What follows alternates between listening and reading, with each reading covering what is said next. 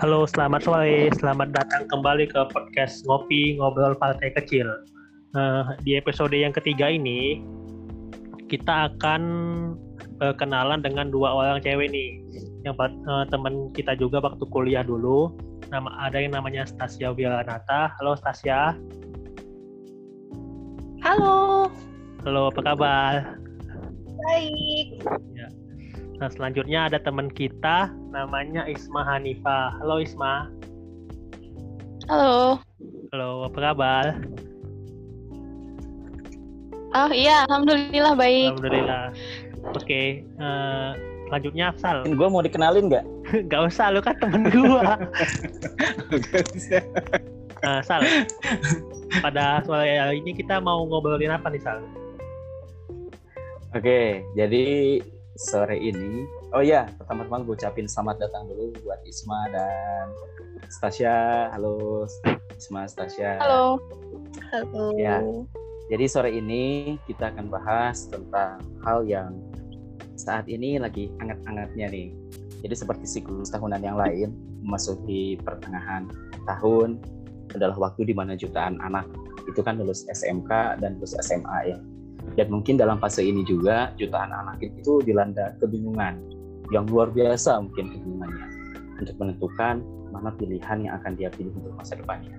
Kuliah, kerja, atau kuliah sambil kerja. Gitu ya. Dan menariknya, ini dari berita bulan Juni lalu, lebih dari 700 ribu orang lulusan SMK mengikuti UTBK. UTBK ini kan uh, seleksi ke perguruan tinggi versi sekarang lah ya. Kalau dulu kan kita mengenal ada SBMPTN, ada SNMPTN gitu ya. Generasi-generasi jadul mungkin tahu lah. SBMPTN sama SNMPTN itu kayak gimana? Iya, itu mah. Dan sisanya mungkin ada yang juga memilih swasta maupun uh, perguruan tinggi di dalam negeri maupun di luar negeri. Gitu. Jadi hari ini kita ngobrol masih seputar kuliah Nah, karena bintang tamunya hari ini ada Isma dan Stasia, jadi kalau dengar kata nama Isma sama nama Stasia itu langsung keinget itu teknologi pangan aja gitu ya. nah, hari ini kita bincang-bincang sama mereka berdua tentang pengalaman mereka selama masa kuliah itu kayak. Dan ini just information, jadi Stasia sama Stasia sama Isma ini lumayan cukup beken lah gitu ya dulu di kampus. Ya nggak, Dit? Oh iya benar. Siapa yang nggak kenal Stasia sama Isma di kampus segala uh, Kita mulai ya, dulu betul. ke Stasia ya. ya. Stasia. Mungkin kita gali-gali dulu Den. Oh iya deh, gali-gali hmm. dulu deh. Stasia gimana sah? Oke okay, oke. Okay. Kabarnya, coba. Gimana? Suara putus-putus? Uh, Stasia sekarang gimana kabarnya? Kegiatannya apa? Oke, okay Eh, aku sekarang udah bekerja di salah satu perusahaan frozen food di Tangerang gitu. Hmm. Aku sekarang udah dua tahun sih kerja di perusahaan ini. Sebelumnya oh. sempat pindah-pindah beberapa perusahaan gitu. akhirnya dapat tempat yang cocok ya, Stas ya? Iya, dapat tempat yang cocok. Oke. Terus gimana sama Isma nih? Isma apa kabar dan sekarang sibuk apa Isma? Ya, uh, kalau kalau gue sih sekarang kebetulan masih lanjut kuliah aja terus D3, S1, S2, aduh nggak bosen-bosen ya. ya. Terus kebetulan selain itu, selain itu uh, sekarang kebetulan lagi penelitian. Ya seperti kita tahu sendiri ya, sekarang kan lagi pandemi, masih lockdown juga di kampus, jadinya ya masih berhenti. Terus selain itu, uh, gue juga lagi ini magang auditor lepas sih di uh, eh, GHC tahu mungkin tahu ya GHC uh, Global Halal Global Center, Halal Center. Apa tuh? Ya, ya. oh iya yeah, Global Halal Center, Center. itu aja sih paling uh, kegiatan gue mm-hmm. jadi uh, seperti sekarang WFH berarti ya di GHC WFH di... betul kalau Stasia sekarang WFH atau harus ke jadi WFH-nya cuma pas awal-awal pandemi doang, makin ke sini mm -hmm. udah enggak udah normal, udah setiap hari hmm. kerja gitu. Setiap hari kerja dengan protokol ya, protokol kesehatan. Iya dengan protokol kesehatan, kesehatan pastinya dengan masker sama face shield harus pakai okay, masker dan face shield. Betul tapi ada kelemahannya juga sih sekarang lebih susah untuk kenalin orang ya ketika mereka pakai face shield dan masker gue beberapa kali juga salah sebut nama orang karena mereka pakai masker Iya Karena nggak kelihatan mukanya ya. Name tag, name, dulu kan kalau kita praktikum harus pakai tag. Mungkin ke depannya akan ada inovasi facial ada namanya. Ada tag name tagnya di Iya, facialnya. Iya iya iya.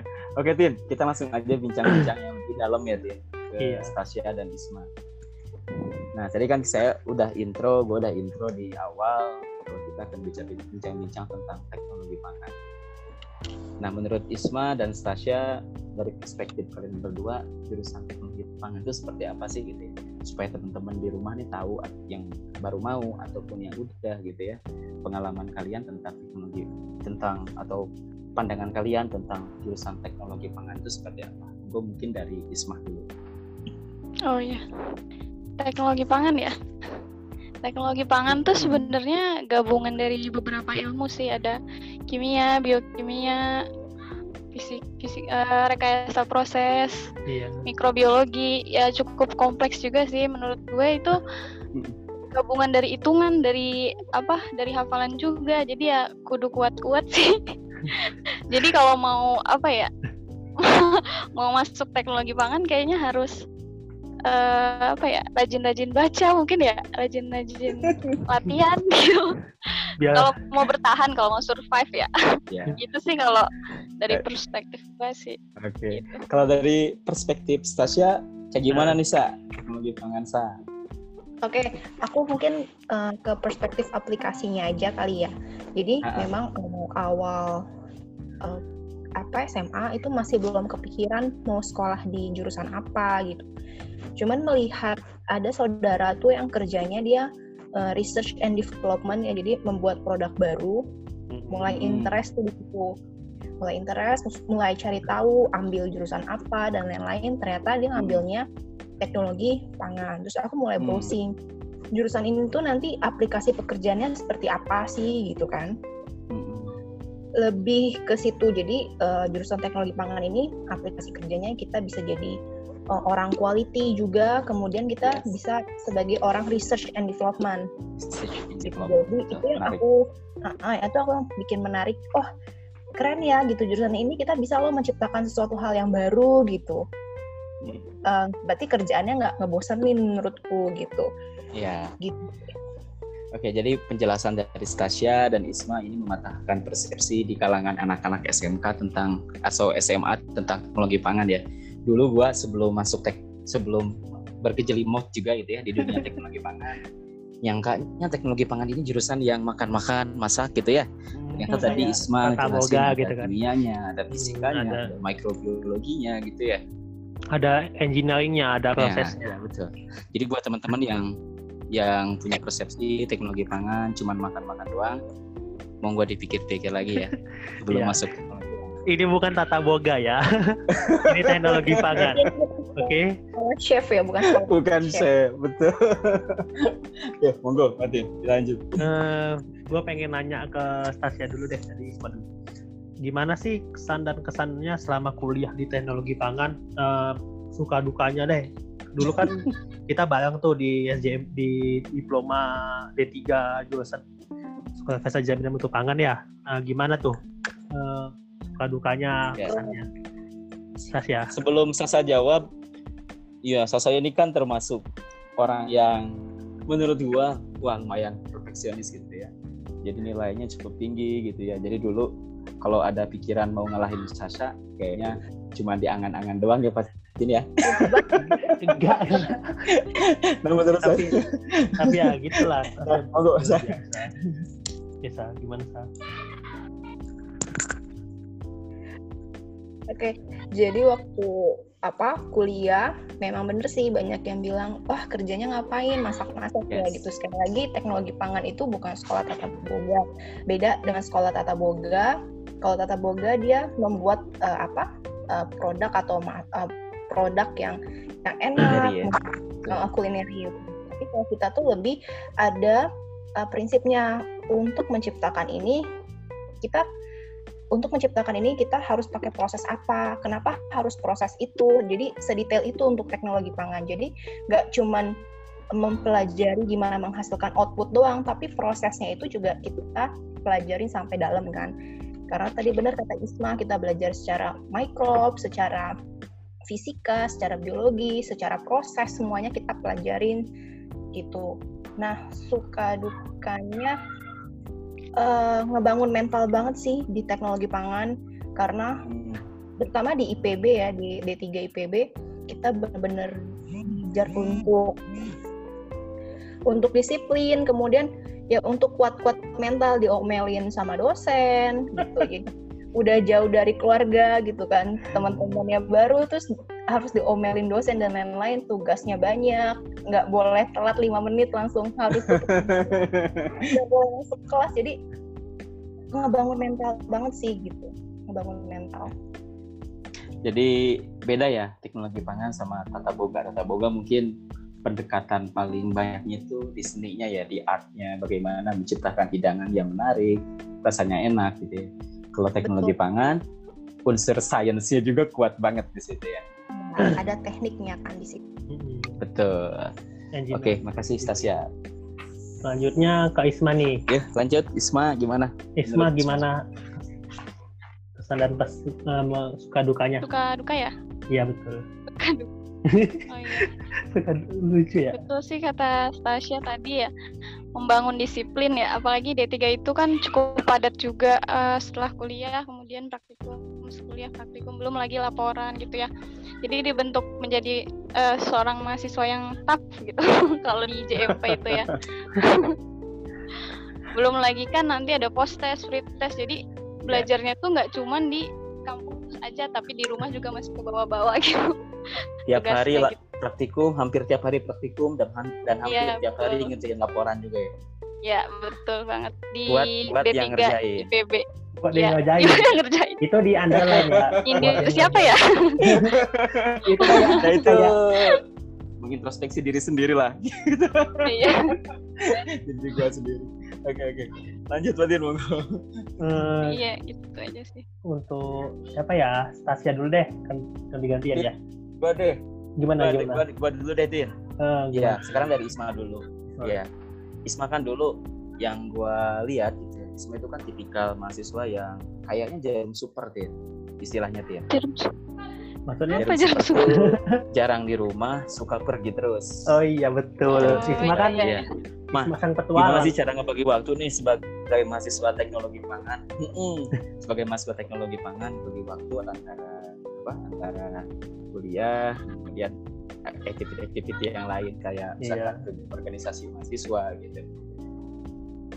Bagi Dan waktu ajaibnya, ya. ajaibnya kan ya IPK-nya kan lumayan ya cukup tinggi. Menurut gua tahu. ya mak gimana mak? Oh gitu ya. Ya ya sih kebetulan waktu D3 juga kan pernah ada pengalaman organisasi ya yang tiap minggu kebetulan rapat juga. Nah, itu tuh sebenarnya kan kalau kita tahu udah tahu ritme dari kuliah di IPB yang seperti itu gitu ya. Kita harus misal uh, laporan nih, laporan ya uh, misalnya pagi kuliah terus habis itu ngerjain laporan kalau bisa tuh kita laporan ngerjain dicicil kemudian kalau langsung dapat laporan itu eh, langsung dapat tugas itu ya udah langsung dibagi langsung kan orang jadi berbagi beban lain gitu ya yang kata apa tadi? Si Faisal berbagi eh, apa yang ngerjain yang buat ngerjain. Kayak gitu ya. Terus habis itu sempet juga kalau misalnya rapat itu nggak ini nggak nggak cuma dengerin rapat aja tapi sambil bawa laporan gitu. Sambil bawa post pretest gitu. Jadinya sih gitu ya. Sepokoknya selagi ada waktu kosong bisa ngerjain laporan nyicil laporan ya itu dikerjain sih gitu. Nah oke. okay. Jadi buat teman-teman nih yang masih kuliah atau yang mau kuliah terus pengen tetap berorganisasi juga dengerin kata Mbak Isma harus terus pandai-pandai membagi waktu dan mengorganisasi pekerjaan ya. Ya betul. Ya betul. Terus kita ke Stasia Kalau Stasia, wah ini extraordinary ya, luar biasa lah di di kampus kita waktu itu. Stasia bintang pelajar. Stasia ya. kan kalau di kelas Iya, di kelas unggul dan di atas kertas juga unggul gitu. Jadi buat anak-anak yang tipikalnya kayak gue, masanya cuma mimpi doang bisa Enggak, enggak. Lu mah jangan prestasi akademiknya Nah, iya, iya. Stasia gitu ya. Ya, ya. Terus, hadiah ini kan pasti pasti ada ada rahasia rahasianya nih, ada resep resepnya nih supaya prestasi akademiknya tinggi nih. Bagi-bagi dong, Sa, tipsnya, Sa. Siapa tahu gua nanti mau lanjut kuliah lagi sampai S3 gitu ya, jadi bisa pakai tips dari Stasia nih supaya nggak jelek-jelek amat GPA-nya.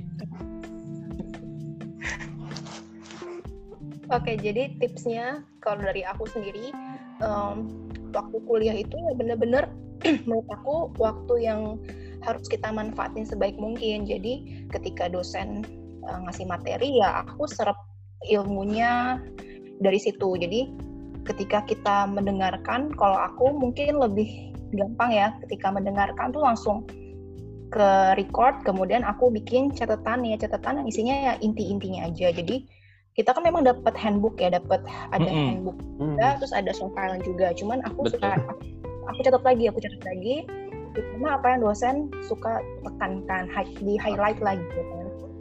Oke. Nah terus nanti kadang-kadang eh, di kosan itu kalau sempat ya kita review lagi, kita lihat lagi tuh hari ini sebenarnya belajar apa sih gitu. Eh, yang mana yang aku belum ngerti itu bakal aku coba lagi gitu, terutama untuk eh, hitung-hitungan yang kayak gitu-gitu ya. Hmm. Kalau sistem belajar, kalau ada ujian, aku tuh lebih tipenya eh, kayak kita ngebaca ngebaca ulang aja. Jadi nggak yang harus dihafalin kata-katanya, tapi yang penting dapat poinnya. Ya udah, poinnya kita dapat, kita kembangin sendiri poinnya tersebut gitu. Cuman satu sih yang aku sesalin waktu kuliah itu, hmm, Apa aku kan nggak ikut organisasi ya karena aku mikir eh organisasi tuh buat apa sih gitu capek harus rapat terus tiap minggu dan lain-lain gitu kan kayaknya Hmm. lebih enak tuh ya pulang Fokus. kuliah Kupu-kupu Oh, lah ya, kuliah pulang, kuliah pulang. kuliah pulang kayak orang bener gitu kan kuliah pulang Gimana, Sang? makin ke sini udah mulai kerja itu ternyata penting teman-teman semuanya jadi kalau bisa kalian nggak usah ikut terlalu banyak organisasi pilih benar-benar satu yang kalian sukain banget yang Hmm. bermanfaat buat kalian entah itu organisasi alam atau kebudayaan ataupun organisasi misalkan lebih ke tekniknya. Nggak apa-apa tapi join Mm-mm. satu yang benar-benar kalian sukain. Nah itu Mm-mm. bisa nilai poin plus juga buat kalian ketika kalian nanti akan ngelamar kerja. Jadi memang untuk ngelamar kerja itu nggak dari IPK ya. Maksudnya eh, nggak harus IPK-nya tinggi. Kadang-kadang mereka juga lebih prefer pilih yang IPK IPK-nya ya eh, oke lah tapi mereka aktif secara organisasi juga gitu jadi itu sih yang aku nggak dapet waktu kuliah jadi ya teman-teman tetap harus berorganisasi tapi tetap juga harus eh, jaga nilainya gitu Ya, artinya perlu keseimbangan lah saya, balancing antara organisasi dan juga kuliah. Kuliah. betul Tapi Sasa walaupun nggak organisasi, resultnya mungkin gitu, luar biasa saya. Saya nggak tahu sih berapa angkanya, tapi yang pasti kayaknya luar biasa. Yang pasti di atas gua sama Faisal dah itu. Mutlak. Sebetulnya ada, sebetulnya akan ada segmen khusus tentang penyesalan-penyesalan kita waktu kuliah. Kalau Stasia kan tadi udah langsung digabungin tuh Iya. sama segmennya itu. Dari Isma nih, Iya, cuma Mak, seandainya Apa tuh? lo bisa diulang lagi nih Mak, masa-masa Bisa. kuliah dulu. Apa, Oh, yang- seandainya bisa ngulang waktu apa? D3. kesalahan Waktu sekarang D3, yang iyalah. makanya mau gue perbaiki gitu. Memperbaiki ya. Hmm, paling itu sih kan kalau misalnya gue tuh ikutnya organisasi yang berbasisnya nggak ada teknologi pangannya sama sekali ya. Itu mungkin gimana ya? Kurang bisa menunjang di mata mata kuliah mata kuliah gitu ya. Hmm, gitu. mungkin bisa ikut yang lebih menunjang ke arah situ sama paling ikut terkait kan yang bisa ikut karya tulis gitu-gitu kan anak D3 satu gitu ya yang kayak Hmm. PKM gitu mungkin Iya, kayak iya. gitu sih lu nyesel pengen pernah ikut itu cuman nggak karena mungkin sibuk kuliah juga kan ya karena JMP kan padat ya sama Iya. organisasi juga jadi kayak jadi kayak masih ada yang ketinggalan yang itu gitu Ya. sih tapi Paling. tapi mungkin Isma masih punya kesempatan buat gabung di organisasi yang ada hubungannya dengan teknologi pangan mak Kema pagi Bisa. mungkin masih bisa gabung sebagai dewan penasihat atau sebagai manajemennya di sana di pagi manajemen top Iya. manajemen. Manajemen. Penasihatnya, iya. ya mungkin nantilah ya di di dipertimbangkan. Kalau udah kalau udah lulus kan lebih gampang saya ikut himpunan himpunan profesi keamanan pangan. Halo ya kan? Halo halo tes. Halo. Ya kan? Halo iya sih kayak gitu. Kayak pati gitu ya. Kayak Pak Gizi kayak Kepi kan malah nah mungkin gampang kalau udah lulus. Iya sih. Eh, gua pengen nanya Sa tuh jadi masukan juga Sa. Sebagai R&D profesional bisa juga tuh gabung tuh. Siapa tuh Sasa jadi salah satu petingginya asosiasi R&D seluruh Indonesia gitu. eh wis mantep. Amin amin Kayaknya di atas kita masih banyak yang di atas, di atas, di atas lagi deh. But I know your potential Sa kayaknya bisa Sa Aku juga masuk ke situ. lanjutkan sa Iya. Oh iya. Sa, ini kan Isma juga. Ini kan dulu waktu kuliah kita dilanda banyak keterbatasan ya.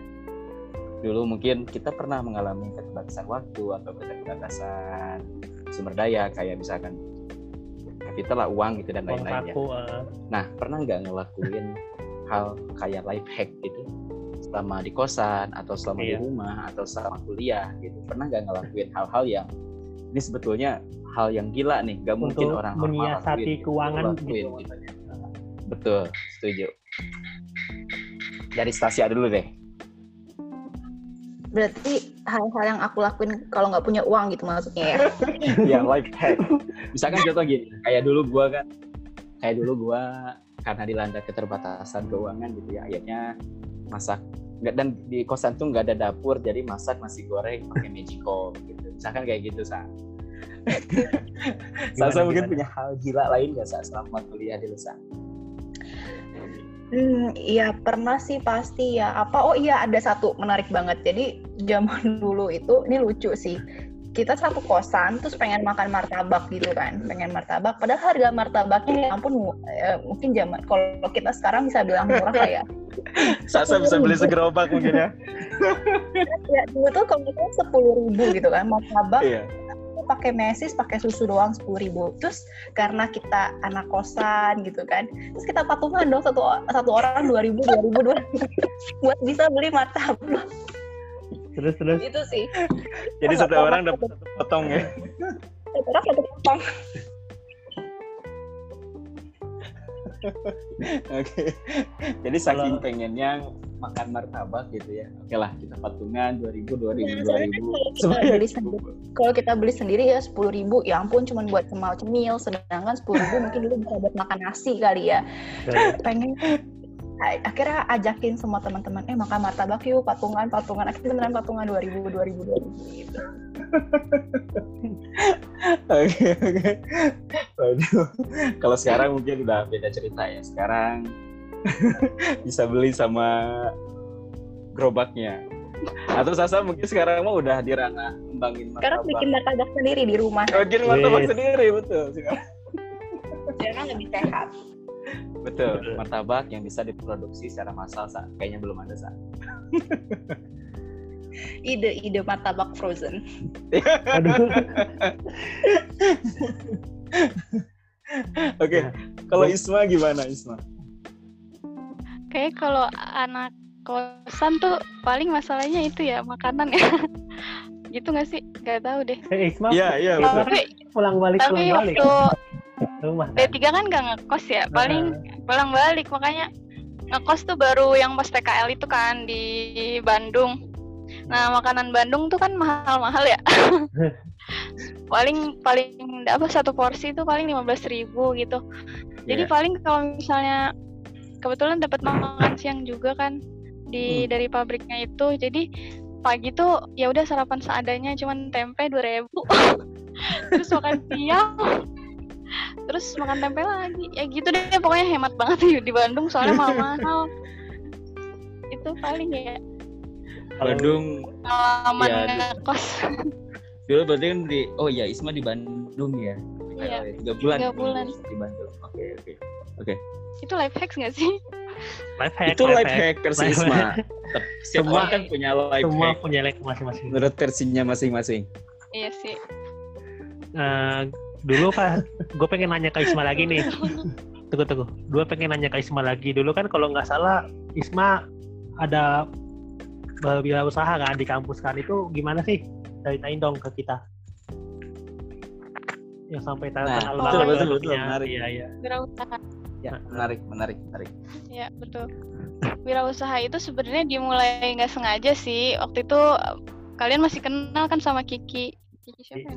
ya kira Diansyah Ki- ya itu Kiki Radiansyah itu kan anak BEM kalau nggak salah ya iya iya Nah, anak BEM itu tuh butuh danus. Kebetulan tuh Kiki tuh nawar gini, mau nggak dijualin produknya, tapi nanti aja bayarnya gitu.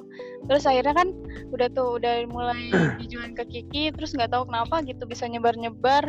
Terakhir tuh sampai anak 50 kalau nggak salah ya. 50 Oh. apa 51 gitu. Itu sampai ke jurusan-jurusan lain gitu. Iya. Makanya karena itu sih mungkin keunggulannya karena bayar bayar belakangan gitu. Iya. Sebenarnya sih itu jadi sebenarnya ngebantuin mahasiswa juga sih itu. Nah gue juga sekalian kan eh, ikutan gitu kan. Ikutan jualan juga gue gitu. Sama orang-orang lain juga. Iya. Itu sih. Paling dari Kiki itu sih awalnya dan dan ngedanusin kayaknya gua juga pernah jadi reseller produk Isma deh Bima. Kayak Oh, iya, iya. itu buat danus organisasi gitu kan ya. Biasa kalau organisasi kan mau ngadain acara iya kayak gitu. jadi harus nyari Sumpah. tambahannya kan. Meledak Iya. banget kan produknya Isma. seingat gua gua pernah laris jadi reseller. kan. Produk Isma itu laku banget laku banget itu produk laris. Iya. Fenomenal lah Tin ya fenomenal. Fenomenal tapi sekarang udah enggak sih udah udah berhenti. Oh nggak ada niat buat ngelanjutin tuh mak pernah waktu itu sih ada cuman belum sempet juga. Gimana ya? Iya, paling bikin jual franchise. frozen aja. Franchise ya. Oke oke oke. Kebetulan di kampus juga lagi nggak ada mahasiswa kan? Oh Iya, iya lagi- sekarang. lagi pandemi lagi pandemi. Iya, Mungkin bisa minta bantuan Stasia mah. Gimana Oh, iya. caranya produk Isma Stasia. itu bisa bertahan lama. Terus packagingnya bisa menarik juga, menarik orang buat beli. iya Ya, bisa tuh Sa. bagi, gimana sa bisa bagi hasil lah Stasia. Yuk kita mulai.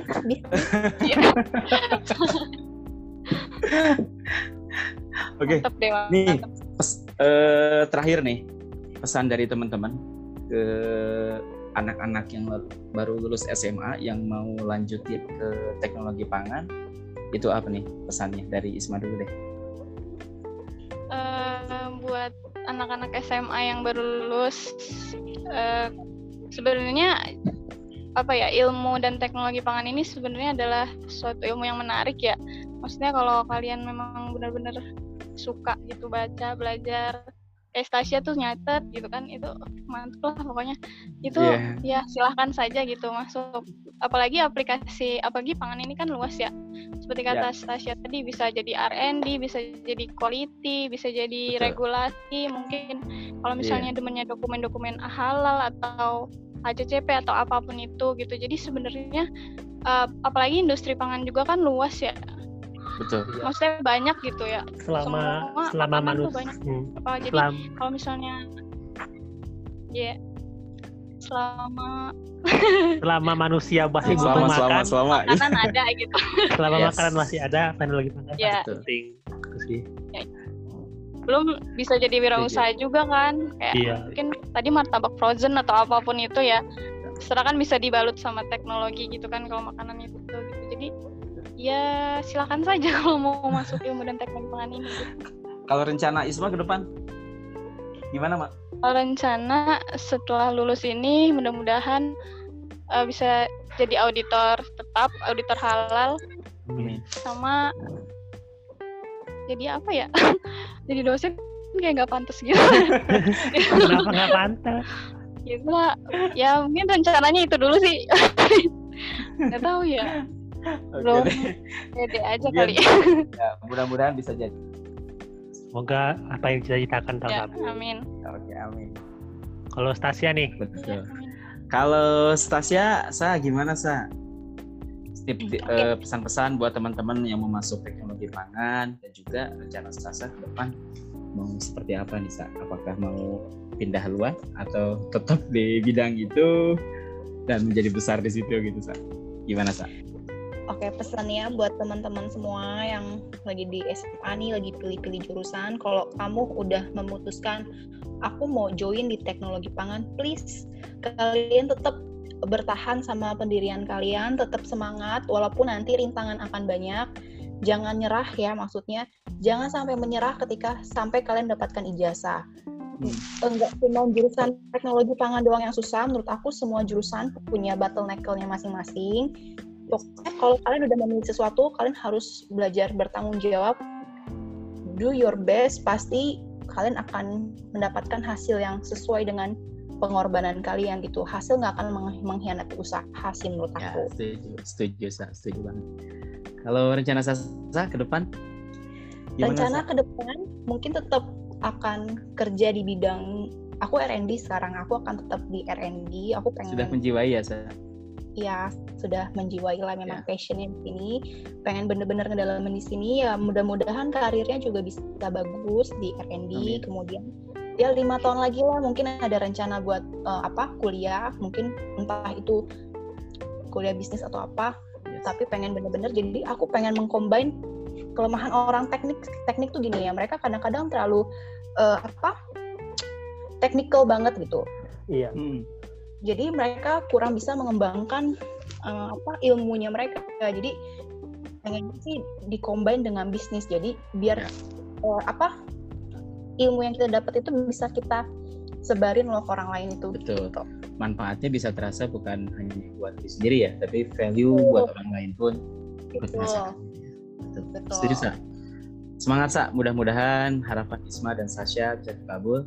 Thank you buat waktunya hari ini. Ya, Tian. Makasih banget. Makasih banget Isma sama Isma Stasia Stasia yang luar udah biasa luangin waktu. untuk sharing-sharingnya sharing. cukup inspiratif. Mungkin ini bermanfaat bukan hanya buat audiens, Tin, tapi buat kita juga, Tin ya. Jadi, Betul. Kalau dengerin Isma sama Stasia kayak mengintrospeksi diri sendiri aja, Tin ya. Bang introspeksi diri dan inspiratif inspirasi. Oke deh, sekian dulu. Yes, Ya. betul, setuju. Oke, Ya. sekian dulu sesi kita sore ini. Kita ketemu lagi di podcast kita selanjutnya. Ya, bye-bye. Bye-bye.